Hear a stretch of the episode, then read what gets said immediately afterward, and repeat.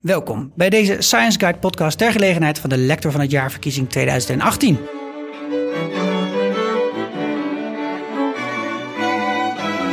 Hallo en van harte welkom bij deze speciale podcast. Mijn naam is Sikko de Knecht. En ik ben Tim Cardol. En wij zijn redacteur bij de nieuwsite Science Guide. Science Guide is het platform voor het hoger onderwijs en de wetenschap in Nederland. Jaarlijks roepen het Interstedelijk Studentenoverleg en Science Guide een lector van het jaar uit. Dit jaar ging er bijzonder aandacht uit naar hoe lectoren erin slagen om de verbinding met de arbeidsmarkt te maken. De prijs werd gewonnen door Gerard Schouten, die hier vandaag bij ons in de studio is. Hoi, leuk om hier te zijn. Ja, leuk dat jij er bent. Uh, Gerard is lector Big Data aan de Fontys Hogeschool. Mensen die in het hoger onderwijs werken en Science Guide lezen, kennen het begrip lector waarschijnlijk wel. Maar toch nog even voor de geïnteresseerde leek. Een lector in het HBO is een beetje vergelijkbaar met een hoogleraar op universiteiten. Lectoraten bestaan ongeveer sinds het begin van deze eeuw. En een lector organiseert en doet zelf praktijkgericht onderzoek, vaak in samenwerking met maatschappelijke partijen of bedrijven. Daarnaast is de lector verantwoordelijk voor de vertaling van het onderzoek naar de dagelijkse onderwijspraktijk van studenten. In jouw geval, Gerard, gaat het daarbij om het onderzoek naar big data. Zou je daar misschien wat meer over kunnen vertellen en vooral over nou, hoe jullie ooit zijn begonnen met het lectoraat? Ja, even terug naar de, de, de start helemaal. Uh, dat is in uh, eh, 2015 heb ik een jaartje als lector ad interim meegedraaid. Oké, okay, ad interim. En, ja, in 2016 ben ik officieel begonnen. En eind van het jaar had ik een lectorale reden. En vanaf die tijd uh, zijn we bezig met een lectoraat Big Data binnen Fontes Hogeschool ICT. En hoe is het om daar, uh, nou ja, het is natuurlijk een heel nieuw, nieuw onderwerp. Is dat uh, om daar zomaar mee te beginnen? Dat, ik kan me voorstellen dat dat anders is dan voor veel uh, lectoren. Ja, dat is hartstikke moeilijk. er bestond dus ook geen, het is niet een lectoraat wat al bestond, maar nee. toen is dus het lectoraat Big Data in het leven geroepen.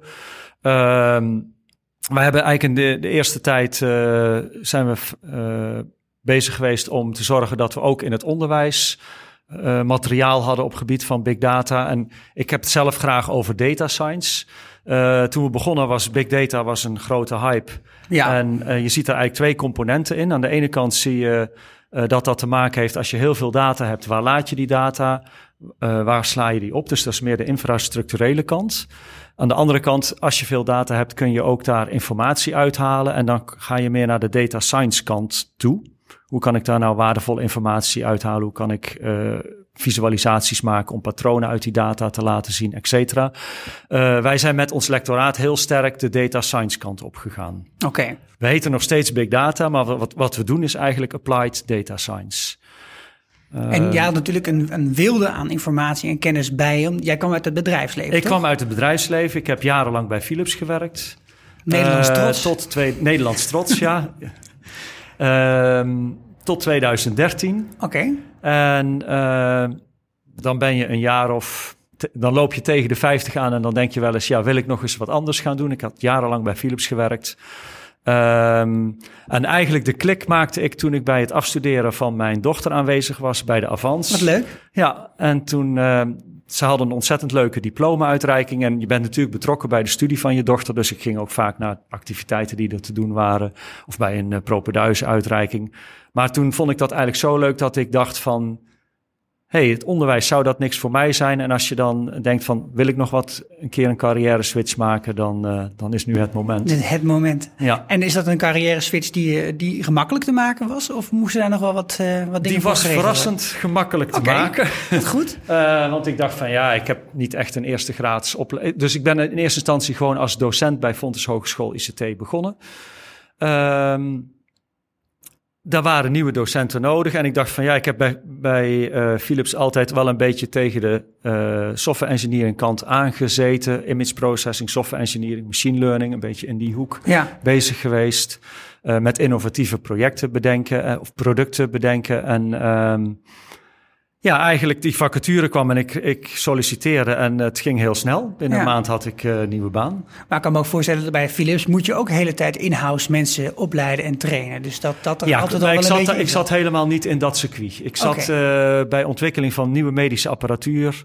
En dan met name het maken van prototypes, dat, dat neerzetten in ziekenhuizen, dat klinisch valideren, uh, samen met artsen kijken wat er aan verbeterd kon worden. Uh, zorgen dat er mensen zijn die uh, aan de technische kant dan die verbeteringen doorvoeren. En uiteindelijk als zo'n prototype dan goed genoeg ontwikkeld was, dan kon dat op de roadmap komen mm -hmm. voor nieuwe generaties van het grote röntgensysteem bijvoorbeeld of andere dingen. Ja. Ja, dus ik zat echt in een innovatie, research en development omgeving. Ja, dus dat is wel meer de, de onderzoekskant. En dan toch die overstap juist voor het onderwijs naar Fontes gegaan? Ja, ik denk, kan dit nog jaren blijven doen. Maar uh, ja, het onderwijs, dat trok toch gewoon. En ja, of dat precies die ene klik op die ene avond is geweest. Het, zijn gewoon, het is gewoon een optelsom van een aantal dingetje, dingetjes. Neefjes en nichtjes die zeiden van als ik daar was en ze hadden moeite met natuurkunde, dat ik zei van och kom, zullen we eens een uurtje aan de mhm. tafel gaan zitten en eens even door die uh, sommetjes heen of door die, uh, zei ik geef mij je boek maar even, geef me even een kwartiertje leestijd.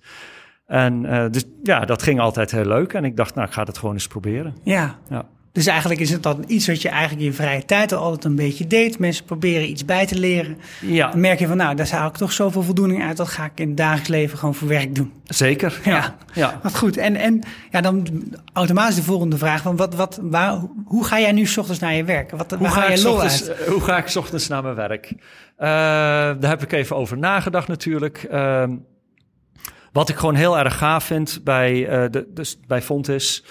Uh, dat is dan even buiten mijn lectorrol. Hè. Dus ik ben, ik ben eerst ook een aantal jaar als docent uh, werkzaam geweest. Is dat je te maken hebt met allemaal jonge mensen die in een leertraject zitten en die heel hard aan het veranderen zijn. En het geeft gewoon heel veel voldoening als je uh, les geeft aan iemand of als je iemand in een klas hebt. En je ziet hem na twee, drie jaar een stage doen en je komt hem even later zelfs bij afstuderen, soms tegen. En dat je gewoon ziet dat hij zo'n enorme groei uh, doormaken en zo ontzettend veranderen. En dat je gewoon kunt bijdragen aan dat proces. Uh, ja, dat geeft mij wel heel veel plezier. Ja, dus wel dus weer lange termijn doelen, maar... Uh... Dat is de docentrol, ja. ja. ja. En kun je dan ook ergens inderdaad nog in zo'n student herkennen van, nou, dit is het stukje wat ik heb bijgedragen aan die ontwikkeling die een student heeft doorgemaakt? Ja, dat eigenlijk soms wel bijvoorbeeld in professioneel handelen en werken. Uh, soms is dat wat moeilijk, precies. Ik vind vooral de groei leuk om te zien. Dat het van eigenlijk best wel uh, pubers naar zelfstandige volwassenen. Uh, ja, dat ze gewoon die hele groei doormaken. Dat vind ik gewoon heel erg leuk. En daar, daar draag jij een steentje aan ja. bij, ja. Ja, nou laten we eens over de inhoud uh, inzoomen dan. Want big, big data, data science. Uh, kunnen we eventjes misschien wat, wat van die concepten neerzetten... dat we de luisteraars ook precies weten waar we het over hebben... als we het over big data hebben? Ja, nou dan zal ik over big data even iets vertellen. Uh, dat heeft natuurlijk met veel data te maken, maar dat, dat is niet het hele verhaal. Er wordt wel eens gezegd, ja, big data begint als je data niet meer op je pc of op je laptop kan. Oké, ja, dat is een vrij, dan, ja. uh, dan moet je dus andere oplossingen verzinnen om al die data op, uh, ergens te laten. Dynamische dus volume, grens wel in de tijd. Maar... Ja, en dat, dat, die grens is rekbaar in de tijd. Maar volume is wel een aspect. Maar het gaat ook bij heel veel applicaties te tegenwoordig om dat, het, dat de data snel beschikbaar is of snel verwerkt kan worden. Dus fast data zou ook, uh, een, is ook een, zou ook een goede term zijn. Uh, denk bijvoorbeeld, om een concreet voorbeeld te noemen, er wordt nou heel hard gewerkt op allerlei plekken in de wereld aan zelfrijdende auto's. Uh, met allerlei sensoren. Die data moet echt binnen, binnen een tiende seconde verwerkt worden. En op basis van al die sensordata moet een beslissing genomen worden wat die auto zelfstandig gaat doen. Ja. Dus daar gaat het juist om die enorme verwerkingssnelheid. Ja, en die twee dingen zijn in een computer ook wel gescheiden van elkaar. Je hebt een processor en een harddrive. Ja. Dus het ene gaat meer over hoe groot die drive is... en het andere is hoe snel de processor is. Precies, ja. ja. Maar beide aspecten, en dat, dat kan dan vaak niet meer op één computer... of die sensoren, dat zijn vaak dan ook... daar zit een stuk embedded software bij... wat dat gewoon op het bord moet doen in dat geval. Dus Oké. komt zelfs nog niet eens. Komt helemaal nooit op de harde schijf terecht. Nee, dat zou zomaar Oké. kunnen. Ja. En, wanneer, en data science is als we het eigenlijk over de bredere geheel hebben van dat alles. Ja, hoe extraheer je uit die enorme hoeveelheden data? Mhm. Ja, wat voor algoritmes kun je daarop loslaten? En dan praat je over machine learning, deep learning. Uh, wat voor algoritmes kun je daarop loslaten?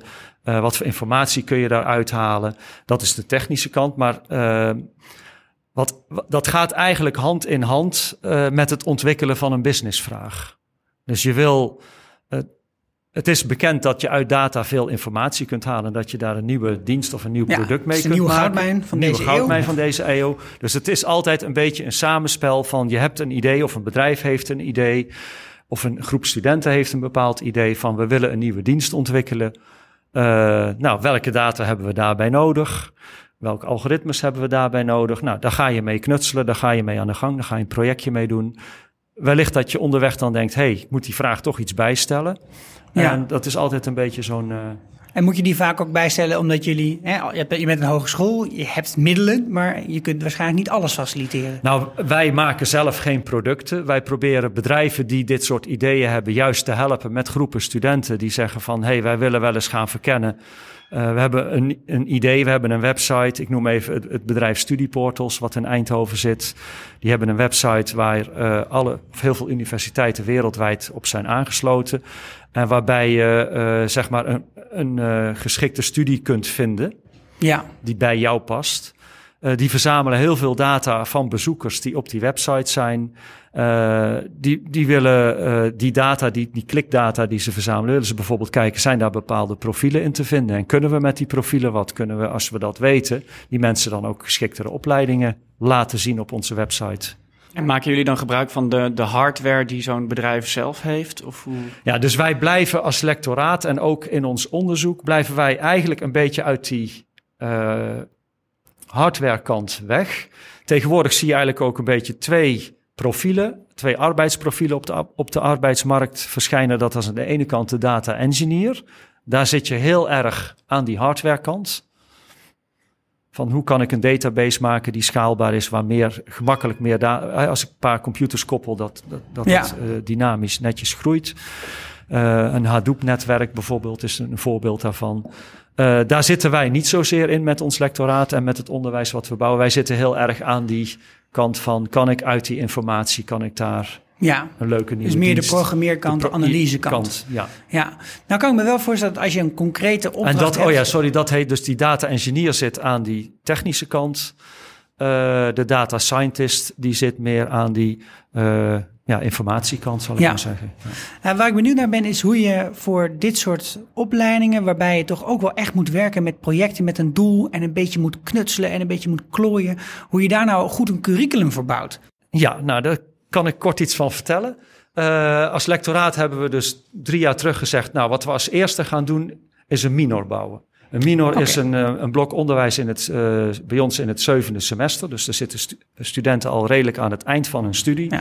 We gaan daar een minor Applied Data Science dus maken. Dus 30 punten. 30 studiepunten inderdaad, 30 EC's. Um, we hebben toen eigenlijk bottom-up uh, een beetje gebrainstormd met het lectoraat. Wat voor vakken horen daarin te zitten? Nou, machine learning, dus daar zit het hele pakket aan algoritmes ook in. Dat, dat was in ieder geval een duidelijk vak wat daarin moest zitten. Je wil met die informatie wil je ook een boodschap naar buiten kunnen vertellen. Dus de datacommunicatie. We hebben, bij ons heet dat het vak datavisualisatie. Dus dat je ook. En dat is niet alleen plotjes maken, maar dat is eigenlijk het verhaal wat je op basis van data wilt vertellen. Dus ik zie dat wat breder uh, als alleen zeg maar het grafische stuk. Uh, en een andere poot wat daarin zat, dat was een beetje een capita selecta van allerlei onderwerpen rondom big data. Oké. Okay. En er zat ook een stukje ethiek bij. Dus dat was de basis van de minor aan vakken. Maar wat we heel belangrijk vonden is dat wij geen datasets uit boeken gebruiken of op internet, uh, maar dat we een bedrijf echt vragen om met een vraag te komen die, waar data een rol bij speelt. En die data aan de studenten te geven en met de kennis die ze aan de ene kant in die, uit die vakken halen en de case van het bedrijf, om gewoon aan een project te werken om dat bedrijf verder te helpen. Okay. Met de nieuwe AVG, uh, ik kan me zo voorstellen dat het heel veel invloed gaat hebben op hoe je het onderwijs gaat inrichten. Want uh, wij merken al dat we op heel veel manieren uh, met onze data om moeten gaan. Dus dat zal bij jullie toch ook het geval zijn? Jazeker, dat heeft bij ons ook grote impact. Nou, sowieso, uh, er zijn een aantal bedrijfscases waarbij je met de AVG niet veel te maken heeft. Want als er geen persoonsgegevens in het geding zijn, ja, dan. Ah, tuurlijk, ja. Het kan, dus, kan zijn ja. dat je alleen voor een bedrijf heel veel sensordata krijgt. Precies, die maakt schroeven en dat maakt dan verder niet uit. Ja, of die wil iets weten over uh, batterijveroudering van elektrische bussen. Kunnen we daar aan de hand van een Ja. vrijgedrag waar data verzameld wordt. Nou, et cetera. Er zijn heel veel cases waarbij sowieso geen persoonsgegevens in het geding zijn. Uh, die cases waarbij, uh, we hebben bijvoorbeeld ook een case gedaan voor Philips Healthcare, waarbij gewoon medische beelden, waarbij Philips Healthcare wat wilde weten over die medische beelden, zien we daar stands op of andere devices. dat zijn persoonsgegevens. Ja. En Philips wilde absoluut niet dat die überhaupt in presentaties of dat die data die moest na afloop van het project ook vernietigd worden. Vernietigd? ja. Dus de... Hoe vernietig je digitale data? Uh, nou, daar is, daar, er wordt dan een, in dit geval werd er een contract opgemaakt met Philips. En daar werd er gezegd dat de studenten krijgen deze data en zijn uh, zelf verantwoordelijk om na afloop van het project de data gewoon van hun harde schijf te wissen. Oké, okay, dus dan moet je gewoon shift, delete en dan ja, moet precies. het weg zijn. Ja. Oké. Ja. Maar dus in dit geval was dus het feit, dus wij hebben daar ook contracten voor. Een data usage agreement heette dat. Dus dan kun je voor een bedrijf afspreken, met een bedrijf afspreken. Wij krijgen van jullie een dataset, die krijg je gedurende beperkte tijd. En iedereen die aan die dataset zit, zit, of een daarvan op zijn laptop heeft, of maakt niet uit. Na afloop van het project wordt dat weggegooid. En als wij dan iets met die data nog gaan doen, of als blijkt dat wij die data toch nog hebben, dan zijn we dus aansprakelijk. Doen jullie nog iets extra's omdat ook uh, studenten zich daar heel goed van te laten vergewissen? Dat ja, want die studenten laten we ook meetekenen. Ja, precies. Dat ze zelf ook die verantwoordelijkheid voelen. Ja, ja en dat is ook het onderdeel ethiek wat jullie dan in die minor Ja. hebben zitten. Ja. En heb je, is er nog een andere manier waarop je dat aankleedt? Wat ethiekonderwijs? Het, welk onderwijs? Ethiekonderwijs? Ehm, ja, we hebben uh, samenwerking met de Juridische Hogeschool van Fontis ook, waarbij uh, sowieso de wetgeving, of de wet, de datawet, wetten die er zijn, waarin de studenten daar informatie over krijgen van wat zijn de wettelijke kaders. Ja. En uh, dus in ons dataonderwijs, maar dan dat is inmiddels uitgebreider dan de minor. Daar zit ook een blok wat wat verder op ethiek ingaat, maar ook op andere plekken in onze hele Fontis Hogeschool ICT-curriculum uh, zitten, zitten ethiekachtige vakken. Dus je houdt eigenlijk iedereen altijd een beetje up-to-date, ook al zitten Ja. ze in een vrij technische opleiding. Ja, we willen de student uit, uitnodigen om verder te denken van met die software of met dat data, met die dienst die je gaat ontwikkelen met data of met een product. Uh, die, dat je gaat maken op basis van data. Nou, waar komt die data vandaan? Mag je die gebruiken? Uh, de dienst die je ontwikkelt, kan, die- kan die schade veroorzaken? Zo ja, voor wie? Enzovoort. Dus om ook echt verder door te denken dan alleen het maken van die code of, of, die, uh, of het ontwerp. Ja, en nu is het vakgebied, hè, alles een beetje in de ICT is altijd heel erg hard in beweging. Dus er Ja. ontstaan steeds nieuwe technieken. En uh, ik kan mij zo voorstellen dat er momenten zijn waarop studenten eigenlijk beter op de hoogte zijn van wat er in de wereld allemaal aan het veranderen is dan dat de docenten dat zijn. Nou, dat is soms ook zo. Ja, hoe, hoe, ziet zo, hoe ziet die wedloop eruit? Studenten halen je soms in als het echt om details gaat en om tools waar ze, waar ze, die ze zich eigen maken. Um, een docent zie je dat die bij ons ook uh, best wel in een coachachtige rol zit. Dus wij proberen met de studenten mee te denken uh, en ze te helpen. En met name wa wat je gewoon merkt als het gaat over van welke vragen zijn er nou. En wat wil die klant nu? En hoe zou je dat kunnen bereiken? Dat je de studenten heel erg goed kunt helpen. Doordat je gewoon meerdere projecten ziet. Uh, als het gaat om het maken van die ene analyse. En hoe programmeer je dat? Ja, dan gaat een student, zeker als je het over derde en vierde jaar praat, uh, die haalt jou gewoon in. Ja. Je mag al blij zijn als je een beetje bij, uh, bij blijft en weet van oké, okay, dit zijn nieuwe tools, dit kunnen ze ongeveer. En ik probeer nog wel eens af en toe ook wat uh, online cursussen te doen, maar ja, de tijd is daar beperkt voor inderdaad. Ja. ja. Dus eigenlijk wel een en, beetje het stap weg van het traditionele model waarin je een meester-gezelachtige relatie hebt. Dat jij alles weet als docent en de, dat jij degene, hè, de gezel wat probeert te leren. Dat je moet echt eerlijk zijn. Ja, we leren, we leren de studenten eigenlijk dat als zij hun opleiding gedaan hebben, dat ze ervan uit moeten gaan dat hun kennis al over specifieke tools, althans, en implementaties, dat hun kennis al verouderd is. En dat er waarschijnlijk, als zij in het bedrijfsleven gaan werken, dat zij met andere tools en andere uh, softwarehulpmiddelen gaan werken. En hoe vinden dus, docenten dat uh, die bijvoorbeeld al jaren bij Frontis uh, actief zijn? Vinden die nou dat? ja, dat is, voor, uh, dat is best een ommezwaai. Voor een aantal docenten pakt dat heel gemakkelijk op en die vinden die nieuwe rol heel fijn. Een aantal andere docenten die, die moeten die switch wel maken. Ja, dat, dat is een proces wat gaande is. Ja, dat gaan we aan de komende jaren nog wel zien dan, denk ik. Ja, maar ik, denk, we zijn die beweging gewoon aan het ingaan. En je ziet dat ons onderwijs ook steeds opener wordt. En het is niet alleen dat die docent aan het veranderen is, dat die rol van de docent verandert. Maar ook uh, omdat dat ICT-vak zo breed is, uh, en omdat wij in onze opleiding heel erg van het talent van de individuele student uitgaan, willen we, zijn we ook steeds mee bezig om een, ons curriculum opener te maken. Dat wil zeggen dat de student zelf gaat nadenken, wat wil ik leren dit semester? En daar een richting bij zoekt die daar grosso modo bij past, maar daar zelfs een beetje aan zijn eigen leerdoelen uh, mag sleutelen. Mag sleutelen en kan gaan zeggen, ja, maar dus het is, wij hebben die minor applied data science, maar er is ook een blok onderwijs wat open innovatie heet. En daar kan een student gewoon zeggen, ja, maar ik, ik wil met neurale netwerken leren werken, bijvoorbeeld, zou die kunnen zeggen. Of ik wil juist aan mijn professional skills werken. Uh, dat kan. Uh, ja. ja, dus dat het onderwijs is heel dynamisch bij ons. We hebben het natuurlijk heel veel over het onderwijs uh, in de, de ICT-opleidingen waar jullie actief zijn. Maar het, een belangrijk deel van het lectoraat is natuurlijk ook onderzoek doen. En zeker in zo'n veld waar zoveel ontwikkelingen gaan. Uh, kom je daar nog een beetje aan toe? Uh, zelf steeds minder, maar gelukkig zijn er ook al een aantal docentonderzoekers. We hebben een kenniskring met een aantal docentonderzoekers. Um, en wat wij vooral doen is dus dat wij die cases in een minor, maar ook in andere stukken onderwijs, uh, dat die die studenten uitvoeren, dat we dat verbinden uh, met docenten die die groepjes studenten begeleiden. En dat we uh, de studenten dus eigenlijk een stukje onderzoek willen laten uitvoeren. Uh, praktijkgericht onderzoek voor een bedrijf dus. Ja. Waar een docent ook aangekoppeld is.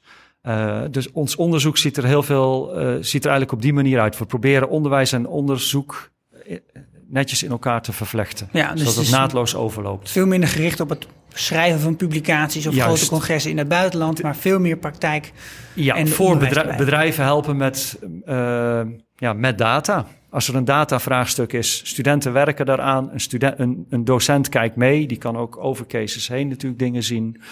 Um, dat is eh, een groot deel van ons onderzoek. En daarnaast zitten we ook in een aantal uh, subsidietrajecten, projecten. Uh, een daarvan is bijvoorbeeld de Nationale Wetenschapsagenda heeft een, uh, een project waar veel universiteiten en een aantal HBO's bij aangesloten zijn. Ja. Wat gaat over verantwoorde waardecreatie met data. Daar doen wij als, als ons, met ons lectoraat ook aan mee. Ik noemde al even die elektrische bussen. Dat ja. is een project uh, wat bij ons in de regio loopt, waar VDL is een bussenbouwer. Uh, Fericity is een bedrijf. Nee, niet de kleinste. Fericity is een bedrijfje uit, in, uit Amsterdam. Uh, maar een aantal andere partijen. Wij zitten daar als lectoraat ook bij. Uh, er wordt van die bussen heel veel data verzameld. En uh, zo'n vloot bussen moet eigenlijk optimaal ingezet kunnen worden. Nu is dat. Nu is men als de dood dat de batterijen op zijn halverwege de rit, als ja. men dat niet goed plant. Dus kunnen we, al, kunnen we die data van het, wat er actueel gebeurt, uh, of het wegdek nat is of droog is, dat maakt heel veel uit voor hoe, hoeveel power er nodig is in zo'n bus. En dus hoe snel de batterij leegloopt. Nou, met al die data willen we eigenlijk een model ook gaan maken om uh, uh, zeg maar die vloot effectiever in te gaan zetten. En, en hoe ga je en, om met uh, de openheid van, van de onderzoeksresultaten? Want nou ja, je hebt natuurlijk enerzijds de taak van het. Uh, van het HBO om uh, het onderzoek uh, wat je doet openlijk te delen. Maar ik kan me zo voorstellen dat een bedrijf als VDL toch ook een eigen belang heeft. Op dit ja, dat klopt. In principe is, uh, want wij zijn geen verlengstuk van een bedrijf. Dus ons onderzoek en wat studenten doen, in principe moet dat open zijn uh, voor de buitenwereld. Dus we, zijn, we omarmen heel erg dat open science, science principe. Um, het kan wel zijn dat er in afstudeerprojecten of in cases NDA's getekend worden, maar er moet daar een hele goede reden voor zijn. En bijvoorbeeld in dit project waar meerdere partijen, dat, uh, dat, dat, project over die elektrische bussen, ja. daar hebben we een samenwerkingsovereenkomst waarin gezegd wordt, deze data gaan wij delen. En publicaties, of je de, de datasets delen, buiten het project, dat gaan we niet doen. Maar er mag wel over gepubliceerd worden. Oké, okay, op die manier. Ja. Dan kan ik me ook voorstellen, als mensen denken aan een stage, een beetje in de traditionele zin, is een stagiair gewoon hè, even heel bagatelliseerd iemand die koffie haalt. Maar ja. nu moet je stagiairs binnenhalen en werken met stu groepen studenten op een manier dat een bedrijf moet, zich moet openstellen om iets te leren van studenten. Zijn bedrijven daar eigenlijk klaar voor? Ja, volgens mij wel. Je ziet eigenlijk bij steeds uh, meer bedrijven, maar ook bij onze afstudeerders, dat een afstudeerder wordt ook naar een bedrijf toegestuurd Ehm, met het idee, jij gaat daar niet een klus doen, je gaat daar een onderzoek doen, je hebt je eigen projectverantwoordelijkheid. Dus dat is een hele andere positie waar, waarmee een afstudeerder binnenkomt. En uh, hij gaat ook de eerste weken een plan maken van wat er allemaal gaat gebeuren. Ja. dan gaat zo'n zo'n afstudeerproject lopen. En docenten kijken mee met dat plan. Precies. Dus op die manier waarborg je dat het ook echt een onderzoeksgerelateerde klus is.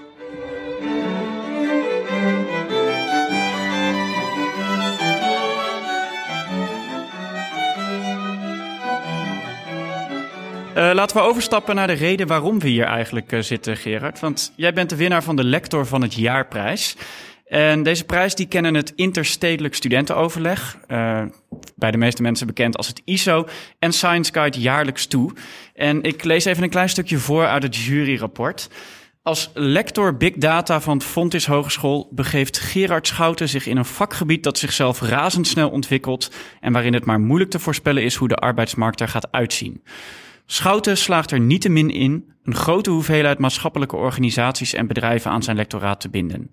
Hij weet met zijn ervaring bij Philips heel goed wat bedrijven wensen en zorgt ervoor dat studenten bij alle projecten die hij opzit direct betrokken zijn.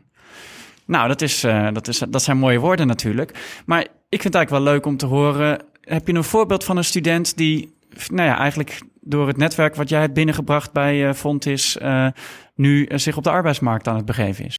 Nou, ik weet een mooi voorbeeld. Dat is uh, een groepje studenten is voor provincie Brabant aan de gang gegaan met water in Brabant. Wat gaat er gebeuren als het klimaat verandert en hoe kan Brabant zich daar het beste op voorbereiden? Uh, ze hebben heel veel open datasets gekregen van de provincie en hebben allerlei verbanden proberen te uh, vinden van waar gaat het grondwater, wordt het hoger, waar worden gebieden extreem droog, et cetera. Wat mij heel veel plezier deed, is dat de provincie Brabant hier zo tevreden over was. En dat ze, alhoewel ze niet een heel concreet en direct antwoord hadden wat alles, alle problemen oplost. Maar dat ze hebben gezegd, wij uh, gaan een start-up voor jullie. Die studenten oh. wilden graag door. De provincie heeft een budget voor die studenten vrijgemaakt. En die studenten zijn nou als een start-up company naast hun eigen afstuderen begonnen eigenlijk om voor die provincie Brabant een klus te doen. Dat is een van de voorbeelden. Ja, dat is een heel direct uh, voorbeeld. Ja. En uh, ja, deze vind ik, vond ik ook heel mooi, dus ik denk die noem ik als eerste. Andere voorbeelden, wat je heel vaak ziet bij ons, is dat een, een afstudeerder die we bijvoorbeeld begeleiden, en dat kan rondom data science zijn. Nou, ik kan wel zeggen, acht van de tien afstudeerders uh, die vinden een baan en de meeste al bijna direct bij het bedrijf waar ze, waar, waar ze actief zijn. Uh, dus ja, op die manier zie je dus eigenlijk meteen dat ze in de arbeidsmarkt kunnen stappen. Ja, zeker. Nou, en dat klinkt ook wel alsof de arbeidsmarkt, als dat al een ding is, maar goed, eh, echt gretig zit te wachten op mensen met deze achtergrond. Dat klopt. Er is een groot tekort aan. Uh, sowieso ICT'ers zijn heel gewild. En binnen het ICT-vak groeit data science eigenlijk uh, nog harder. Ja.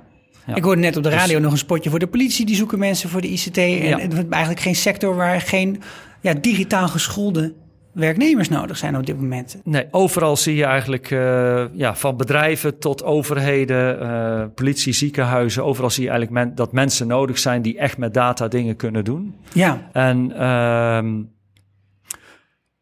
het HBO heeft daar denk ik ook een, uh, een hele mooie taak om juist die mensen die echt hands-on met die data dingen kunnen doen, datasets cleanen, ja. mergen ja, precies. Wat, wat, wat zijn een basisanalyses doen. Uh, ja, da daar leiden wij uh, onze data scientists voor op. Ja, want op welke niveaus moet ik ongeveer zien waarop je met data bezig kunt zijn? Nou, je, je, ik hadden laatst ook een werkveld adviescommissie overleg uh, over ons onderwijs. En daar werd, daar werd eigenlijk gezegd van vroeger zat dit vak volledig bij PhD's.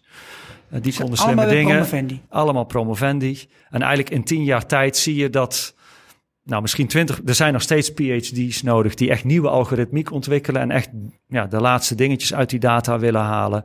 Op masterniveau zijn mensen nodig die uh, wat, wat zwaardere en wat ingewikkeldere projecten kunnen doen. Maar er is ook gewoon heel veel uh, werk voor HBO'ers op dit vlak. En daar werd eigenlijk genoemd 40% HBO, 40% master, 20% PhD. Oké. Okay. En dat is heel rap aan het verschuiven. Ik denk als je de vraag over twee jaar stelt, ja dat het misschien wel 60% HBO is, 30% master, 10%, 10% PhD. Ja. Natuurlijk een beetje koffiedik kijken, maar er is eigenlijk aan, er is heel veel werk. En er zijn jammerlijk op dit moment nog maar heel weinig opleidingen op HBO-niveau op dit vlak. Want op dat onderwerp is er voor iedereen straks nog wel genoeg werk. Daar wordt flink over gediscussieerd, ook in de politiek. En er zijn mensen die de alarm bellen van nou, als we straks zelfrijdende bussen, zelfrijdende uh, haventerminal uh, robots hebben en de hele rambam, dan is er helemaal niemand meer nodig om werk te doen in Nederland. Dan hebben we alleen nog maar programmeurs nodig. Hoe zie jij de toekomst?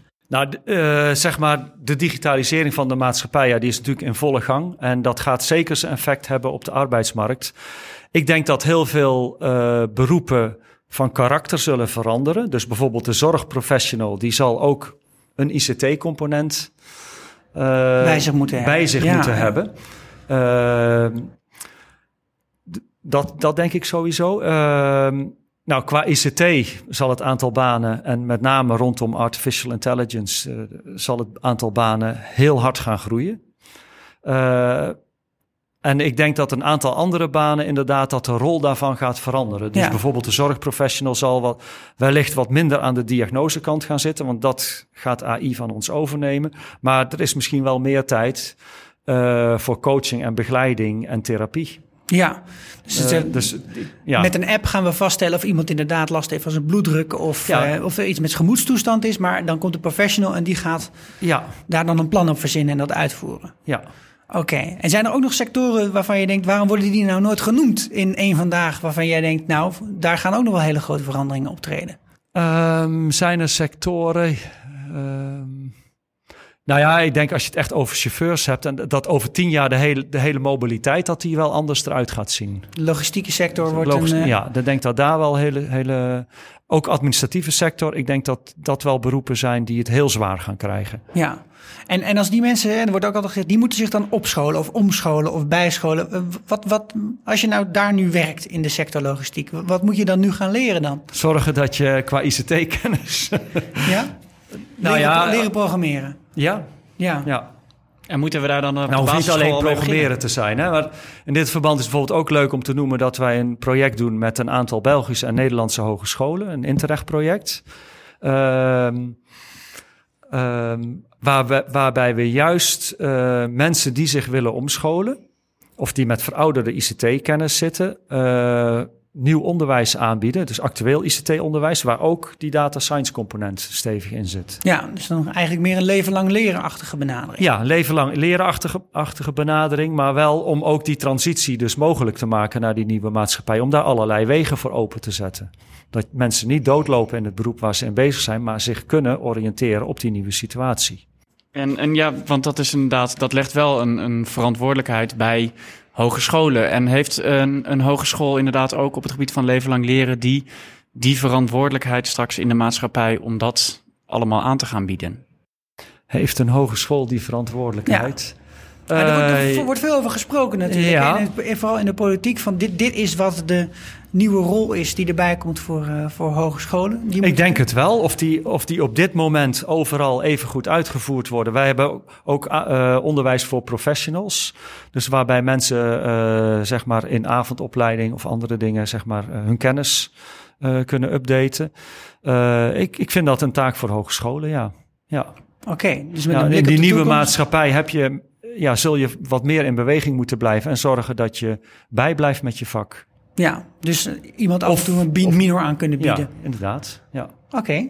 Nou, wij waren afsluitend eigenlijk nog wel geïnteresseerd in wat de reacties waren die je hebt gekregen toen mensen hoorden dat jij lector van het jaar was. Nou, ik heb ontzettend veel felicitaties gehad. Uh, dat is heel leuk.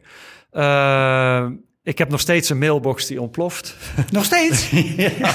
Ik word heel vaak gevraagd om uh, iets te vertellen. Of je, je wordt op het podium gevraagd omdat je lector van het jaar bent. Of voor een interview. Dus het heeft ons heel veel gebracht in termen van publiciteit. Uh, ja, dat, dat, dat is... Uh, en voor jou is natuurlijk, een paar jaar geleden heb je deze switch gemaakt. Ja, dat had ik nooit kunnen denken. dat je dan, uh, ja, ja. Maar dat is heel erg leuk om te ja, horen. zeker. Daarmee zijn we aangekomen bij het einde van de allereerste Science Guide podcast. Uh, ik vond het voor herhaling vatbaar, Sikko. Wat jij? Nou, ik heb, wel, ik heb hem wel vermaakt. Ja, ik ook zeker. Ik wil uh, allereerst natuurlijk uh, Gerard heel erg bedanken. Leuk dat je hier wilde zijn. Graag gedaan. En uh, tot slot voor de luisteraars, uh, want als jullie op de hoogte willen blijven van alle ontwikkelingen in het hoger onderwijs, ga dan vooral eens kijken op www.scienceguide.nl en meld je bijvoorbeeld een keer aan voor onze wekelijkse nieuwsbrief.